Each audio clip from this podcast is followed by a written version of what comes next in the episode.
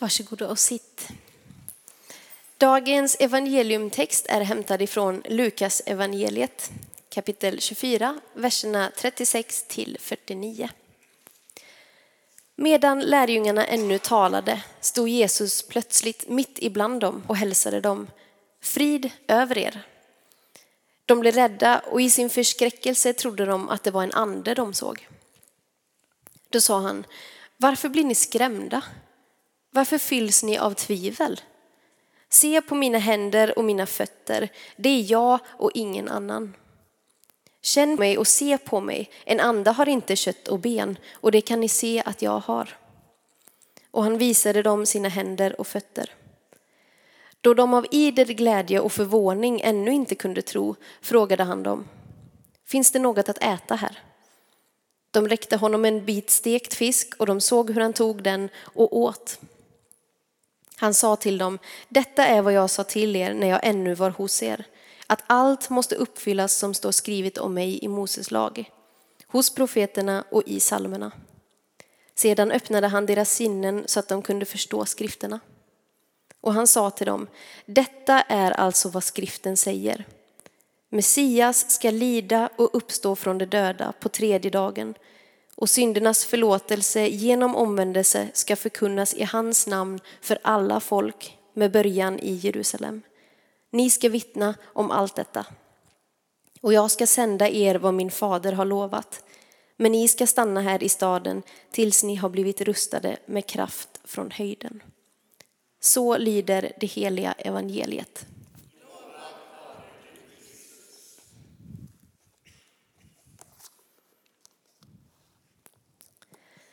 Nu har vi ju gått förbi, gått igenom påskveckan som är den mest centrala veckan i, på hela året för oss som är troende, för kristenheten.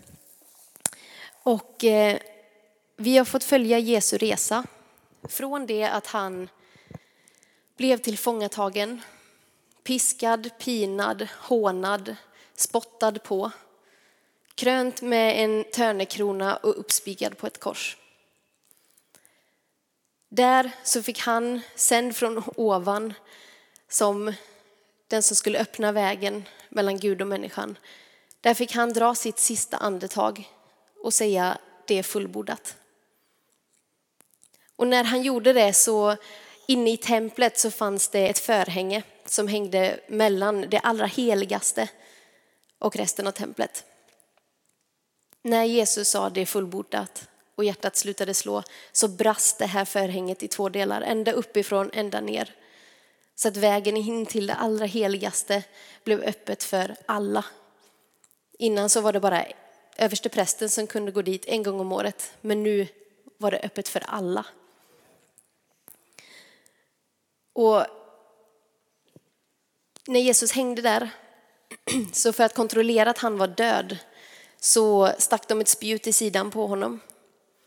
Sen plockade de ner hans kropp, lade den i en grav i en vacker trädgård och rullade för en stor sten. Och där är vi nu. När folk är förvirrade, vad, vad har hänt? Vad, de vet inte riktigt vad, som, vad de ska tro. Och sen börjar Jesus visa sig för människor igen. Mötet med den uppståndne Jesus. Och jag skojar bara lite innan, det är där vi är nu. När Jesus börjar gå runt och visa sig i sin gestalt som uppstånden för människor. Och vi ska kika lite på de olika vackra mötena med den uppståndne som, som sker. Och jag tänkte att vi skulle börja i Johannes evangeliet kapitel 20. För där står det nämligen om Maria när hon får möta Jesus.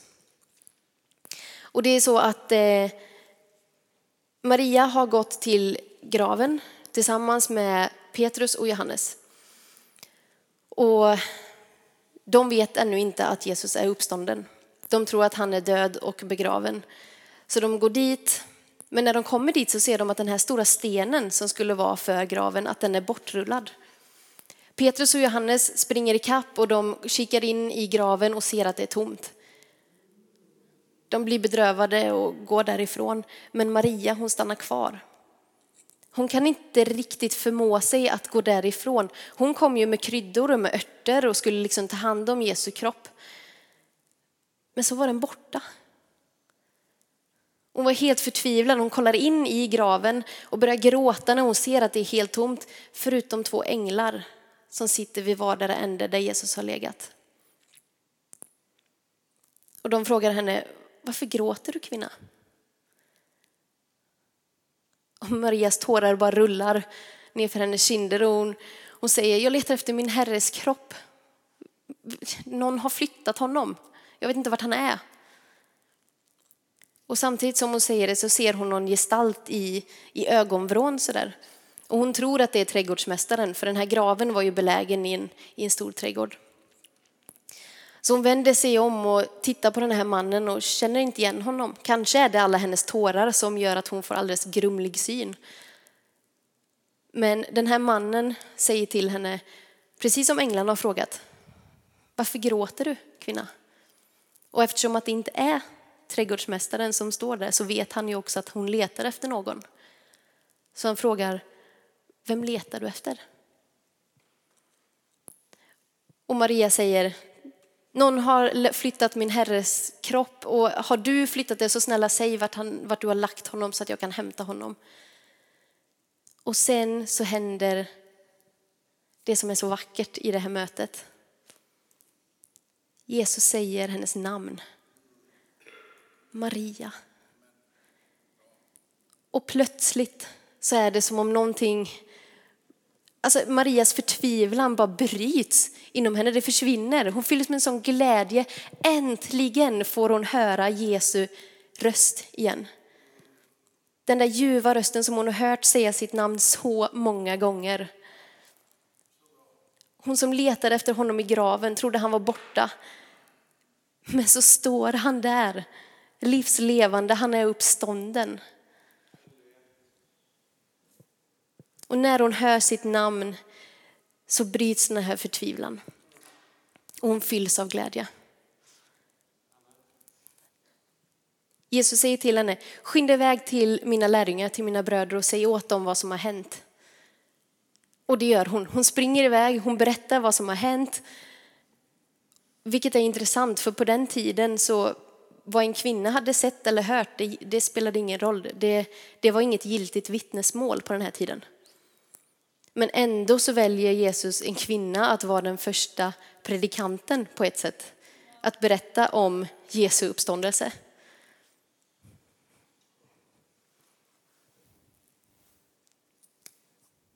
Vackert möte. Sen har vi mötet med Petrus. Petrus hade varit Alltså han föreställs ju ofta som den här impulsiva lärjungen som kanske tänker efter efter att han har gjort någonting.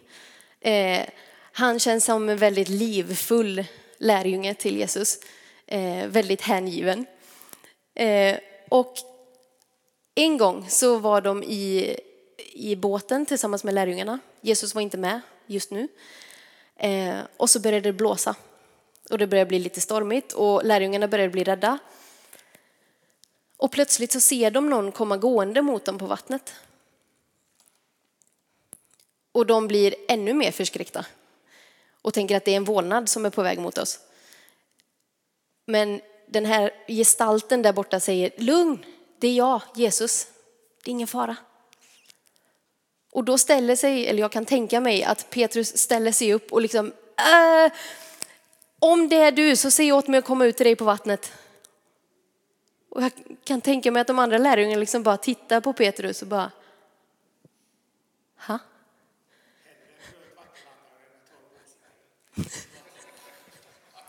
Ja.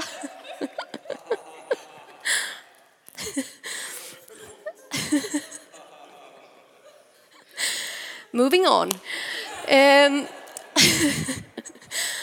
I alla fall, Petrus ställer sig alltså upp och säger ja, Låt, säg åt mig att komma till dig. Det är ju Jesus som står där borta så han säger kom. Och då kliver Petrus över relingen, sätter fötterna i det vatten som han precis för några sekunder sedan var livrädd för. Om båten skulle kapsejsa så var det ju det han skulle landa i. Det var det han var rädd för. Men när han ser Jesus där borta, då försvinner plötsligt allt annat. Så han sätter fötterna i det där i sin rädsla och börjar gå mot Jesus. Kanske är det tryggheten som Petrus har i att han vet vem Jesus är. Eller också är det en kombination av den goda galenskapen som finns någonstans hos Petrus. Och Petrus visste ju vem Jesus var. Petrus var den första att bekänna Jesus som Messias, som Guds son. Vid ett tillfälle så frågade Jesus lärjungarna, vem säger ni att jag är? Och då säger Petrus, du är Messias, Guds son. Och en annan gång så fick Petrus vara med när Jesus tog med sig två lärjungar och Petrus upp på ett högt berg. Och där fick de se Jesus förvandlas inför dem. Jesu ansikte började lysa som solen och hans kläder blev vita som ljuset. Och plötsligt så såg de här lärjungarna hur Jesus stod och pratade med Mose och Elia. Och Petrus är den som, ja nu är de tre. Vad bra att eh, vi är här, nu kan vi bygga hyddor till er om ni skulle behöva det. En till er var. En till dig Jesus, en till dig Mose och en till dig Elia. Och sen så är det som ett stort lysande moln som omger dem och som ur vilket det hörs en röst som säger det här är min älskade son. Han är min utvalde. Lyssna till honom. Petrus har varit med om så mycket tillsammans med Jesus. Men när det väl gäller, när det väl ställde sig på sin spets, så backade Petrus. Innan hela det här påskdramat drog igång så sa Jesus till Petrus, innan tuppen gal så kommer du ha förnekat mig tre gånger. Och Petrus säger, nej, nej, nej, det kommer inte hända. Jag ska gå i döden för dig. Jag kommer inte förneka dig. Men när Jesus väl är tillfångatagen, när allt det här står på sin spets, när lärjungarna har skingrats, när alla är förvirrade och rädda, vad är det som händer? Ingen förstår någonting. Jesus är tillfångatagen och i förhör. Och Petrus rör sig lite bakom kulisserna runt om ute på gården. Och så kommer en tjänsteflicka fram till honom och frågar, såg inte vi dig tillsammans med han, Jesus från Nasaret? Nej, svarar Petrus. Och så går han därifrån. Och så kommer en annan tjänsteflicka och frågar, jag känner igen dig, hängde inte du med han Jesus? Nej, jag känner inte den mannen, säger Petrus och går därifrån. Sen kommer en tredje och frågar, visst tillhör du han Jesus? Det hörs ju på hur du pratar, vi känner igen det. Han säger, jag svär, jag svär, jag känner inte den mannen. Och plötsligt så gal tuppen. Och Petrus minns vad Jesus sa. Innan tuppen gal kommer du ha förnekat mig tre gånger. Och Petrus gick ut och grät bittert. Och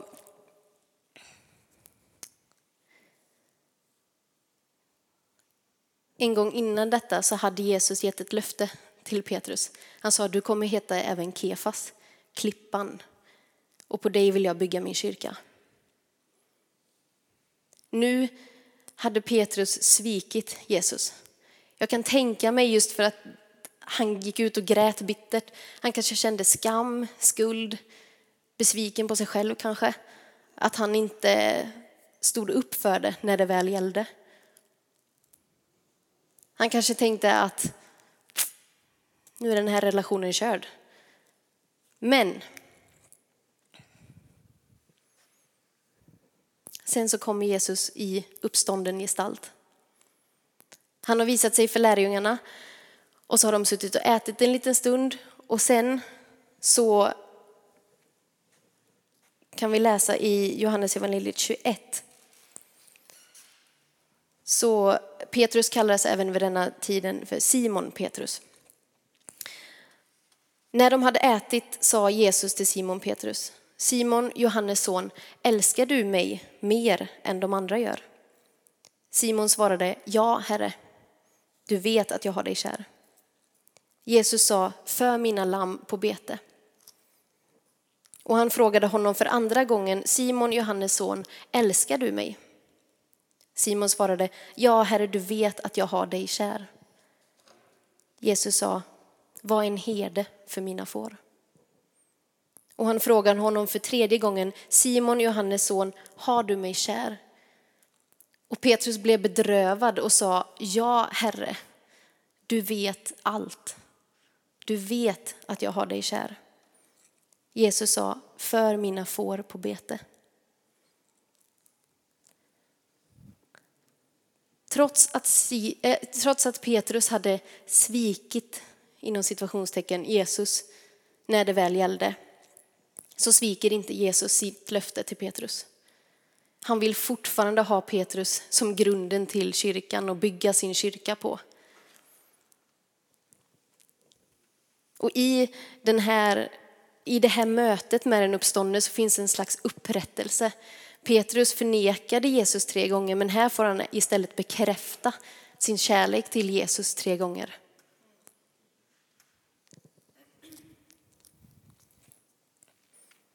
Så trots att Petrus hade fallit, gjort misstag, så faller inte och gör inte Jesus misstag. Han står fast vid vad han har sagt. Han står fast vid sina löften. Och i det här mötet så finns upprättelse. Sen finns det ett möte med Thomas som även kallas Thomas tvivlaren. Det står att Jesus uppenbarade sig för lärjungarna tre gånger innan han for upp till himlen igen, till Guds faders högra sida. Och första gången så var inte Thomas med. Han gjorde någonting annat skoj.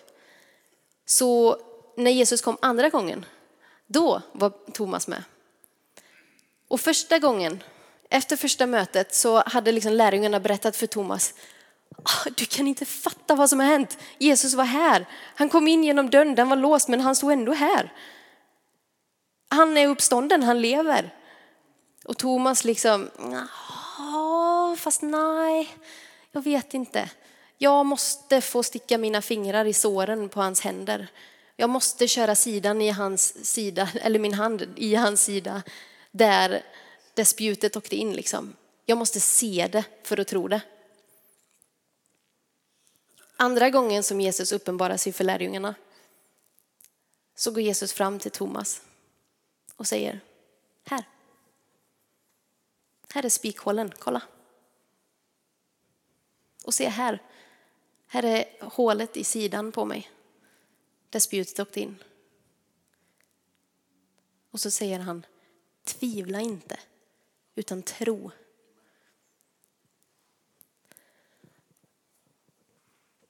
Och det här får Thomas att utbrista, min Herre och min Gud. I mötet med den uppståndne så får Thomas tvivel vändas till en bekännelse på att Jesus är hans Herre.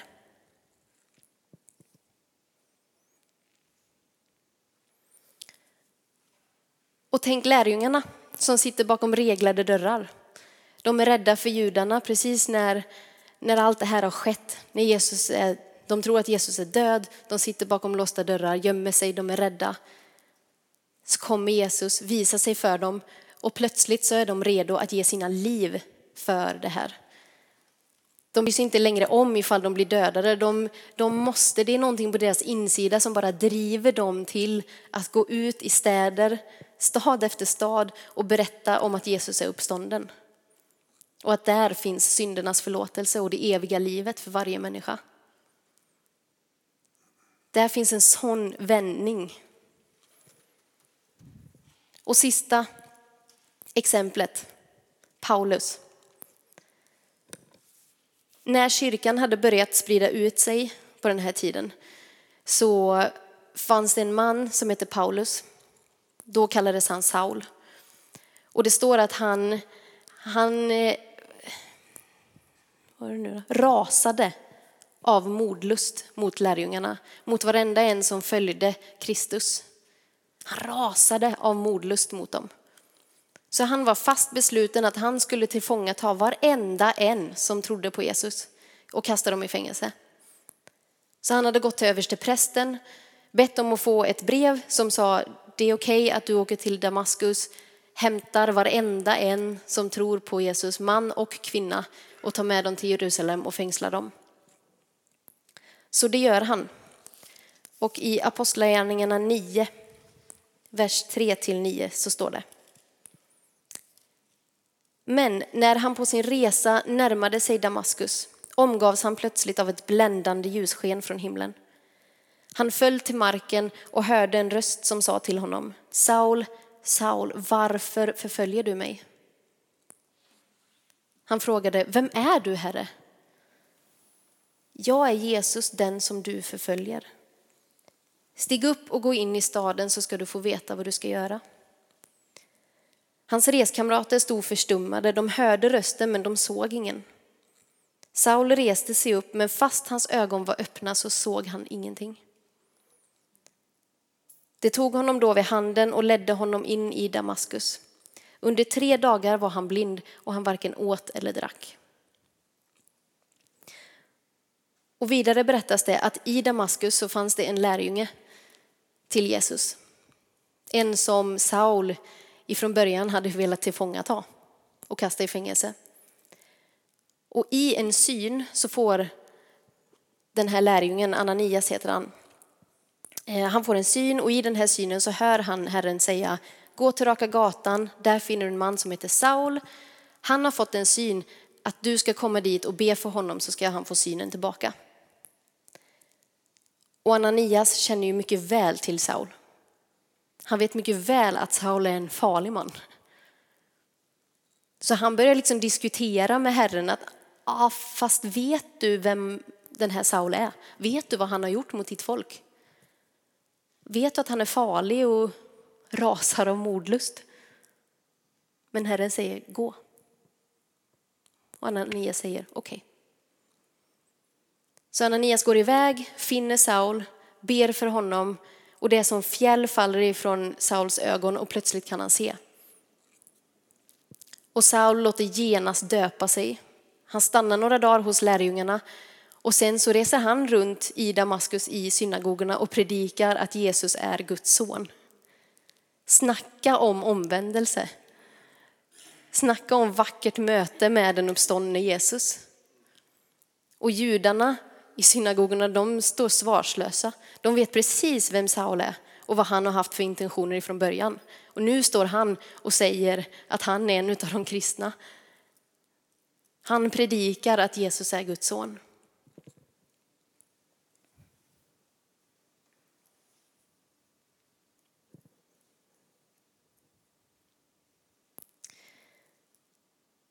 Möte med den uppståndne kan förvandla liv.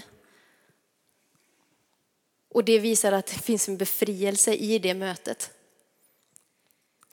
Och Jesus är densamme igår som han är idag och som han är imorgon. Han gör samma saker idag som han gjorde då. Det är inte bara på den tiden som det fanns sådana omvändelser som med Paulus, med Saul. Titta till exempel på Sebastian Staxet. Han var fast i droger, i alkohol, i olika slags beroenden. Han var kriminell. Han hade suttit inne för, jag vet inte allt vad det kan ha varit, för grov misshandel. Men när han fick möta Jesus så reser han nu runt i hela Sverige och predikar om Jesus. Och han får se människor befriade, frälsta, upprättade, relationer blir helade. Det händer idag också.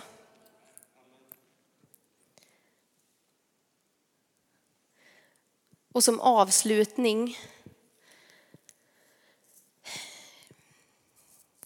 Det finns många olika vackra möten med den uppståndne i den här bibeln. Och ibland är det ganska lätt att känna igen sig i någon utav dem. Kanske känner du någon slags förkrossenhet eller, eller förtvivlan i ditt hjärta, precis som Maria gjorde. Men ett möte med Jesus kan få skänka frid på din insida. Och en sån glädje på din insida. Eller känner du kanske skam och skuld som Petrus kanske upplevde när han hade förnekat Jesus. Han som visste så mycket om Jesus, hade varit med om så mycket. Han hade sett Jesus förvandlas till att lysa som solen mitt framför ögonen på honom. Ändå så föll han, ändå så gjorde han ett misstag. Kanske känner du att du har gjort något misstag. Du kanske har varit kristen i flera år och gjort någonting som du tänkte att ah, jag skulle ju inte falla. Men så har du gjort det i alla fall. Kanske känner du dig obrukbar för Jesus för det. Kanske upplever du att du har svikit Jesus. Men det spelar ingen roll. Vi är människor, vi kommer fortsätta falla, vi kommer göra misstag, vi kommer svika, vi kommer misslyckas. Men Jesus är den som står fast, han är den som står kvar och han sviker inte sina löften. Så låt inte dig själv vara obrukbar för Herren. För någonting som ligger i det förflutna. När Jesus kom och mötte med Petrus så var det där när han hade, alltså att Petrus hade förnekat Jesus, det var förlåtet, det var glömt. Det fanns inte med i beräkningen längre. Du är fortfarande den som jag vill bygga min kyrka på. Ta hand om mina får, var en herde för dem, för mina får på, på bete.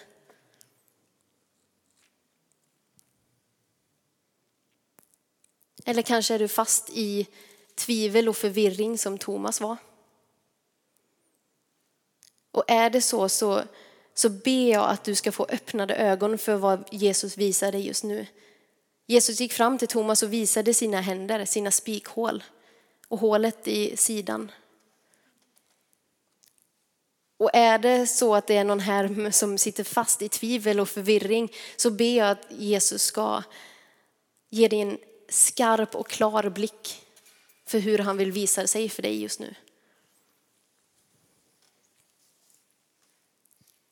Eller kanske du är rädd, precis som lärjungarna var. Fast i rädsla, paralyserad på något sätt. Då finns det ett möte med den helige. Det finns ett möte med den uppståndne som kan förändra det. Eller känner du kanske ett hat och ett mörker på insidan som Paulus kände?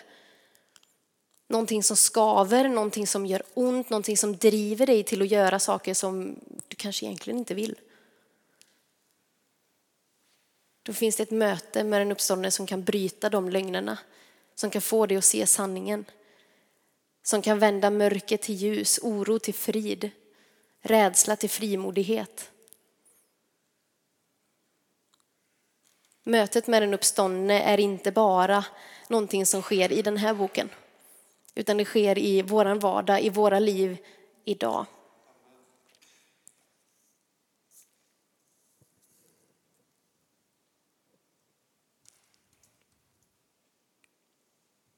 Vi ber.